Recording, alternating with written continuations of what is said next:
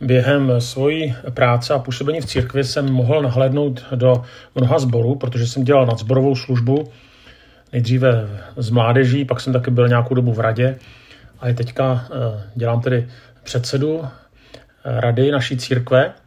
A takže jsem zahlédl skutečně do střev mnoha sborů a nepamatuji si, že by si lidé příliš stěžovali na kázání, pokud si tedy vůbec na něco stěžovali. Neříkám, že se to nikdy nestalo, že jsem to nikdy neslyšel, ale i když si stěžovali, tak to nerozdělovalo zbor. A o to více emocí jsem ale zažil ohledně hudby. A to, ne, to nejenom ve sborech, ale i třeba v mládežích nebo na různých menších setkáváních. Prostě hudba obecně zbuzuje a zbuzovala mnohem větší emoce než třeba kázané slovo. A ta otázka je proč? Protože i v té naší protestantské tradici to klíčové je slovo, nebo mělo by být klíčové slovo, nikoli hudba.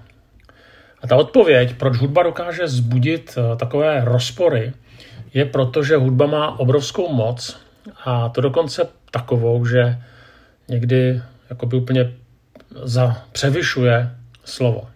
Já teďka nechci mluvit o tom, co je důležitější, jestli slovo nebo hudba, ale chci povědět, že ta síla hudby je v tom, že hudba do velké míry oslovuje city, když to slovo oslovuje rozum.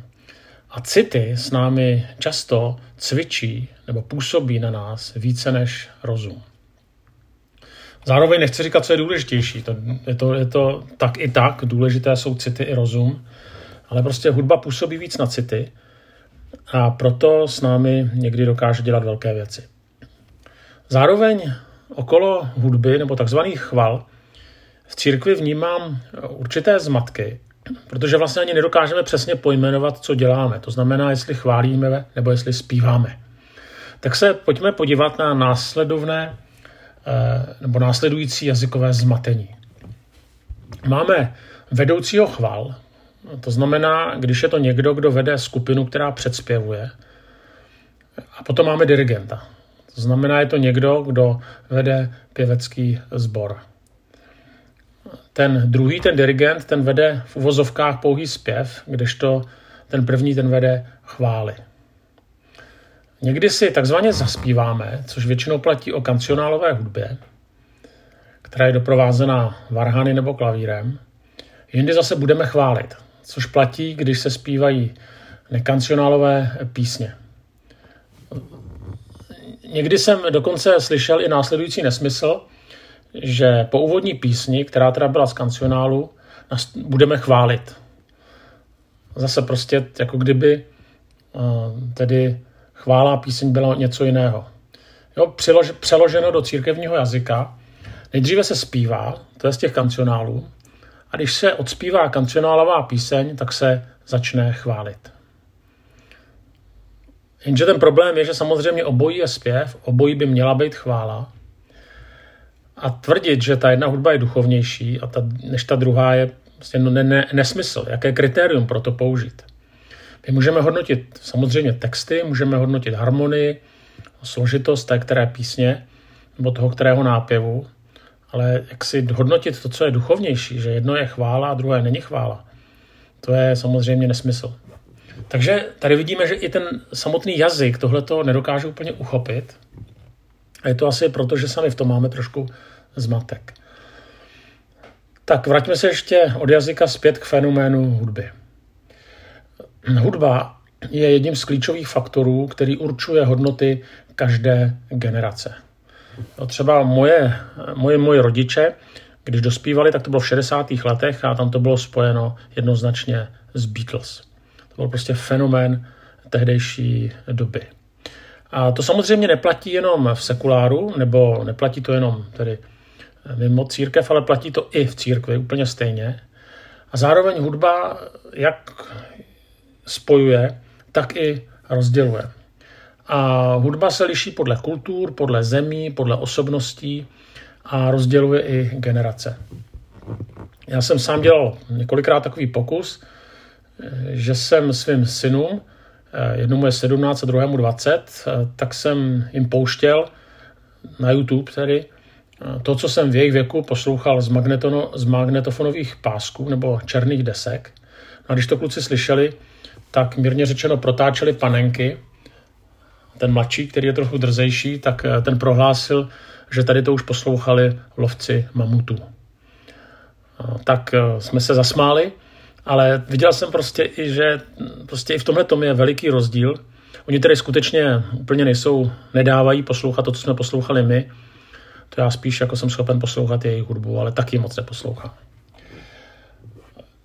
Když se podíváme na naše sbory, tak hudba, která se tam produkuje, tak do velké míry vypovídá i o tom, kdo jsme jako sbor. Nějakým způsobem dává to tomu sboru jakousi DNA, nějakou charakteristiku. Zároveň a priori neexistuje nějaký více duchovní nebo méně duchovní hudební styl.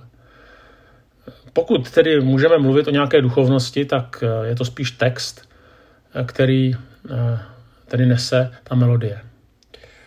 Eh, a ta zvěst, kterou ta píseň nese, kterou chce vyspívat, tak se dále předat eh, celou řadou hudebních stylů. Vzpomínám si, jak eh, naše hudební skupina o vánoční slavnosti, tak tu poslední píseň, kterou zpívala, tak byla Tichá noc, svatá noc, to určitě všichni dobře znáte. A tak začala v takovém tom klasickém, v takovém tom klasickém, v té klasické eh, interpretaci této písně. A tu poslední sloku potom přešla do takového jazzového pojetí. A pak za mnou přišli někteří rozhorčení lidé, jak je to možné, že někdo může také zneuctít tak svatou píseň, jako je Tichá noc, Svatá noc. Ta moje hm, otázka byla, čím je jaksi jazz méně svatý než eh, to klasické pojetí této písně. Ty slova byly stejné. Jo. Horší by bylo, kdyby z toho udělali nějak, nějakou frašku, jako to se týče zpěvu. Ale proč zrovna tedy to jazzové pojetí je horší než to klasické pojetí? Přece zvěst, kterou ta píseň nese, se dá předat řadou hudebních stylů.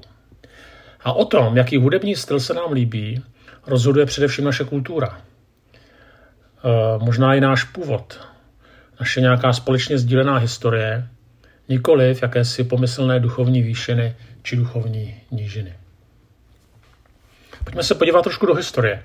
Luther nazýval hudbu službou, uh, uh, služkou teologie. Ještě Luther nazýval hudbu služkou teologie. A bylo to proto, že si velmi dobře uvědomoval její sílu. A dokonce tvrdil, že pokud se křesťanská víra vyznačuje tím, že Boha chválí s radostí a vděčností za jeho milost a milosrdenství, pak hudba a zpěv mohou tuto radost často zprostředkovat lépe než mluvené slovo. Přátelé, to říká ne nějaký současný chválič, ale to říká Luther. Jo? Si moc dobře uvědomoval, jakou sílu má hudba. Tento reformátor, eh, který stál na tom slavném Eh, sola scriptura, to znamená pouhým písmem, nakonec řekne, ale hudba a zpěv někdy mohou lépe zprostředkovat boží slovo, než mluvené slovo.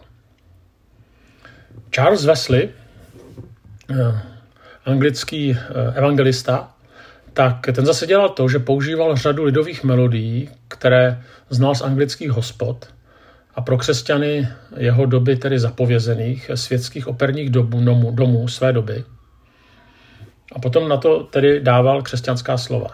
On vzal nějakou lidov, lidovku a na to obul křesťanská slova. Nebo zase vzal nějakou melodii z nějaké opery a tam křesťané v jeho době tedy chodit neměli. Zase narouboval na to křesťanská slova.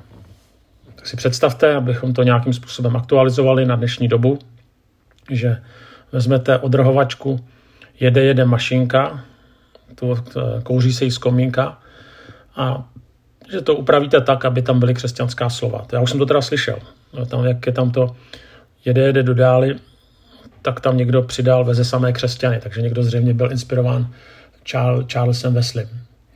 No, pojďme dál. Calvin eh, vlastně tak si nějakou dobu platil dva autory světských písní, aby zhudebňovali jeho teologické texty. Si uvědomoval zase sílu melodie a sílu hudby. A zajímavé je, že anglickou královnu tyto v uvozovkách vulgární melodie popudily natolik, že o nich posmě, posměšně mluvila jako o Kalvínově ženevském vrzání. Vůbec si nedovedla představit, že eh, takové to nějaké světské texty, nebo ne světské texty, ale že tito lidé, kteří tvoří tedy světské melodie, tak by mohli být eh, zneužiti nebo použiti pro tak svaté věci, jako jsou duchovní písně. Ale jak vidíte, mohli. Já jsem tady už zmiňoval tu píseň Tichá noc, svatá noc, tak když byla poprvé otištěna a interpretována tady ta píseň, tak o ní prohlásil ředitel Mohužského hudebního domu, že jde o, a teďka cituji, o vulgární hloupost bez, jaký, bez jakéhokoliv náboženského či křesťanského citu. Představte si, že byste tady to řekli o této písni. Vulgární hloupost bez jakéhokoliv náboženského či křesťanského citu. Asi všichni znáte Hendlova Mesiáše, a když eh, tato fenomenální, toto fenomenální oratorium bylo eh, tedy poprvé interpretováno, tak eh, mnozí ho odsuzovali a, odsuz, a říkali, že to je vulgární divadlo. A víte, co odsuzovali? To, co mnozí odsuzují i dneska na chvalách, že je tam příliš časté opakování a málo zvěsti. Mimochodem to haleluja se v Mesiáši opakuje skoro stokrát. A ještě jedna taková perlička na závěr, když se teda díváme eh, do historie. Prostě hudba byla kontroverzní vždy a tak eh, slavný kazatel Spurgeon nazýval svůj hudební odbor ministerstvem obrany. Tak, eh, tak vidíte, že některé ty diskuze, které vedeme dneska, tak se vedly i v minulosti a vedli to slavní teologové, vedli to i slavní hudebníci a nikdy to nebylo úplně jednoznačné a to, co se nám dneska zdá úplně nedotknutelné, to, co nám přijde úplně jasné, tak eh, někdy museli ti naši předkové prošlapávat pořádně hluboké eh, brázdy. Diskuze o hudebních stylech prostě byla, jest a bude vždycky kontroverzní a bude hodně osobní. Proč? Já už jsem to říkal, protože hudba hodně souvisí s emocemi, ale neřekl jsem tam ještě jeden rozměr, trochu duchovnější. Protože hudba je prostě součást uctívání Pána Boha a uctívání souvisí s osobním vyjádřením lásky k Bohu. Je to prostě úplně nadřeň a proto je to tak strašně eh, citlivé. Dále je tady několik dalších věcí, které už se týkají našich sborů, toho našeho prožívání. Hudba je prostě důležitá, protože určuje atmosféru schromáždění. Mně se několikrát stalo, a už je to dlouho. Myslím říct, že tam, kde působím na 13, tak je velmi dobrá hudba. A bylo to spíš dřív, tak jsem zažil ten naprosto příšerný pocit, kdy nastupujete na kazatelnu poté, co ta hudba vyvolala depresivní náladu, náladu a to schromáždění v podstatě pohřbila. Ale naopak, zase, když se podaří dobrý zpěv, dobrá chvála, tak potom se na kazatelnu jde úplně jinak. Eh, dobře to vystihl jeden pastor, když napsal písně hodné pohřebních plaček a upjatí vedoucí hudebních těles mohou zbor zabít rychleji než cokoliv jiného. To je úplně přesné a Rick Warren k tomu dodává, že pokud nezvládnete hudbu, hudba ovládne vaše bohoslužby. To platí v dobrém i ve zlém, tak samozřejmě potřeba, abychom promakali na tom, aby to bylo v dobrém. Eh, Půjdu ještě dál a ještě pár dalších tezí řeknu o hudbě a o chvalách. Jak už jsem to naznačil ve všech těch příkladech, tak prostě hudba má velikou moc a je potřeba, abychom skutečně nepodceňovali její roli na schromáždění. Hudba není jenom nějaký e, nutný doplněk, něco, co se tam tak nějak přilípne, hlavně, aby tam bylo jenom to slovo. Prostě z těch ukázek ukáz jsme viděli, že ta hudba má větší moc, než jsme ochotni si připustit. To znamená, nelžeme si do kapes, že jediné, o co běží, je slovo. Ano, běží o něj, je nesmírně důležité. Věříme, že nám prostředkuje Krista, má moc, e, nesmíme na něj rezignovat, ale neničme ho hudbou. Naopak podtrněme ho hudbou, vyvyšme ho hudbou, zvýrazněme ho hudbou. Když tedy to slovo je pro nás tak důležité a věřím, že je. Dále je dobré si někdy taky položit otázku, pro koho bohoslužby děláme. Pokud eh, přece jenom se snažíme dělat bohoslužby i pro hledající, eh, pokud připouštíme, že do našich sborů mohou přijít lidé, kteří prostě hledají Pána Boha, tak eh, si položme otázku, jestli je vhodné dělat chvály, které trvají 50 minut. k, k, prostě myslím si, že se zvláště hledající lidé v tom, jak si ztrácí. Zároveň pokud ty chvály jsou příliš dlouhé, ta hudba je příliš dlouhá, tak to potom skutečně pohřbí vlastně celé shromáždění v tom smyslu, že už se spíš jedná o setkání chval setk, nebo setkání zpěvu, kde potom už to slovo je skutečně až takový přílepek. Jo, to znamená, rozlišujme, co jsou bohoslužby a co jsou koncerty, modliteb a chval. Tam zase dlouhé písně patří. Další taková rada je, buďme opatrní při vyjadřování se k různým hudebním stylům. Tady mám na mysli teďka především v církvi. Určitě je legitimní o nich diskutovat. Určitě je legitimní poukázat, když něco se nedělá dobře. A nebo naopak pozbudit, když se něco dobře dělá. Ale je třeba určité moudrosti, jak to dělat citlivě, protože, jak jsem už eh, řekl, hudba je eh, něco velmi citlivého, něco, co vyjadřuje náš vztah k Bohu. Eh, a pokud to jen tak jako sestřelíme, a pokud něčí oblíbený nebo zamilovaný styl otitulkujeme slovy, že je to primitivní, fosilní, tak výsledkem rozhodně nebude, že dotyčného přesvědčíme, aby poslouchal něco jiného, ale v podstatě ho jenom ponížíme. A to určitě není cílem. Zároveň s tímhletím bodem souvisí to, že je potřeba se v tomhle učit i jisté míře tolerance a dokázat prostě přijmout, že to, co se mně nelíbí, se skutečně může líbit jiným lidem a že to, že se jim to líbí, rozhodně není nějaká známka jejich nižší duchovnosti anebo nějaké primitivnosti nebo plitkosti, nebo naopak, že se zakopali v minulosti. Další v hudbě, stejně jako v mluveném slově, tak neoddělíme formu a obsah. To znamená, co zpívám, a co hraji, od toho, eh, jak to zpívám. Eh, to znamená, prostě já, jedna věc je text, druhá věc je melodie, to se prostě prolíná. No ale pak je tady ještě třetí faktor, který do toho vstupuje, a to je Boží duch, Pán Bůh. A proto eh, se modlíme za to, aby Pán Bůh se dotkl i těch hudebníků, aby se dotkl srdcí těch, kteří budou zpívat. Protože právě ve chvalách nějakým způsobem i eh, vyjadřujeme Bohu eh, chválu, nebo naopak vyznáváme, kým Bůh je. Mnohé zpěvy jsou vlastně zpívané modlitby a proto je tam i tenhle ten rozměr duchovní a proto je zcela legitimní, když hudbu svěřujeme do rukou Bohu a když to skutečně je mnohem víc než jenom nějaká kultura. A zároveň právě, protože to děláme ke cti Pána Boha, tak je potřeba dbát na to, aby to bylo krásné, aby tam i ta forma, eh, i ten obsah za něco stály. Ale na druhou stranu pozor na to, abychom nespadli do toho, že se z nás stanou perfekcionalisté.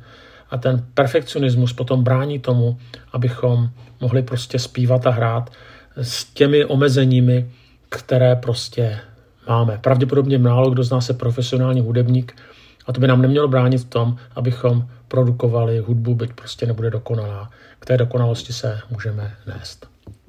A pak je tady poslední otázka a poslední bod. Je zajímavé, že v Čechách jako nevzniká moc nových duchovních písní. Nedokážu to vysvětlit, proč to tak je.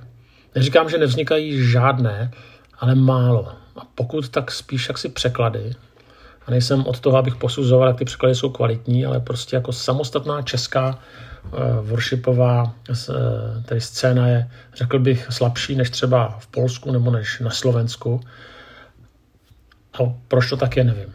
Nicméně uh, na tu odpověď můžete hledat vy a zároveň to může být i pozbuzení, aby se třeba u nás právě i takovéto skupiny a uskupení našli, aby tady byli noví lidé, kteří budou přinášet zajímavé písně, zajímavé nápěvy i zajímavá slova. Tak vám přeju, aby vám to ve vašich zborech dobře zpívalo a abyste dobře chválili a uctívali Pána Boha i skrze zpěv.